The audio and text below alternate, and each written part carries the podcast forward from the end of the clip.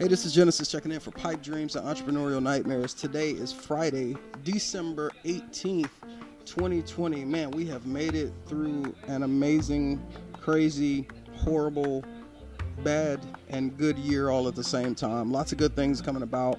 Um, and, you know, lots of people starting businesses uh, within the last year. And so today I'm here with one third of a new business venture, Dazzling D'z Beauty. How are you today? I'm great. How are you? I'm doing okay. So tell me your name and kind of tell me how your business came about, who owns it with you, and what does Dazzling D'z actually do? All right. So back in, I believe, May, me and my sisters all started a business.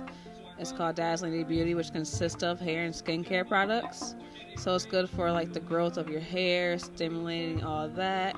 If you have like blemishes on your skin, it's good for that. Eczema, other things in that nature.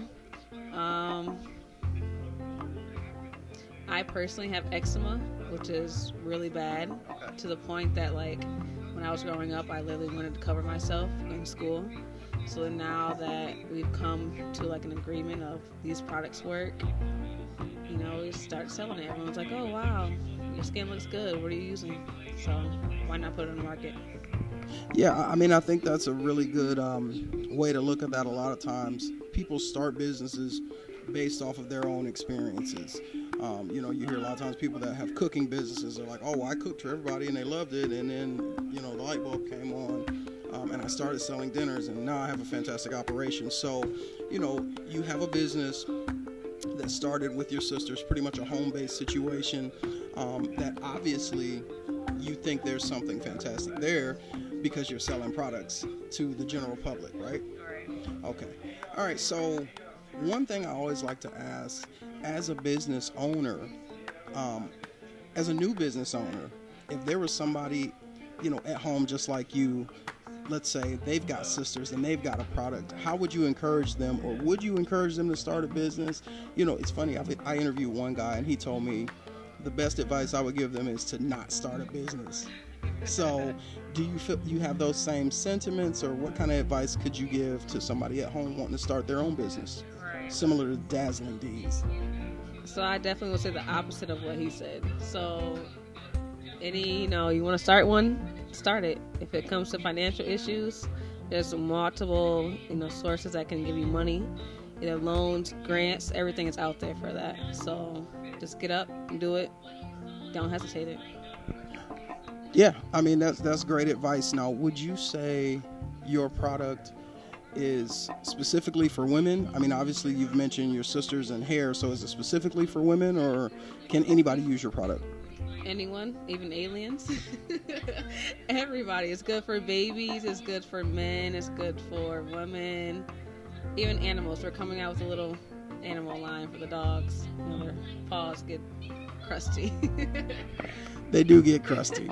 That's funny. So now your product is a topical one, right? Meaning this is this isn't something you should eat, right? Or, or does it taste good? Like I, I don't know. Have you tasted it? You probably tasted it before, didn't you? Uh-uh. Everything is natural, so I mean you can taste it, but I wouldn't recommend eating it. It's good for the skin.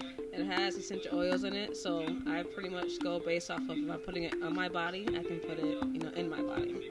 So yeah. And have you changed anything from your original recipe that you created um, when you all were working at home? We have not, other than just making it smoother, stuff like that. We haven't added or taken out anything else. Fantastic. So, Dazzling D'z is, is on all the social media platforms, right?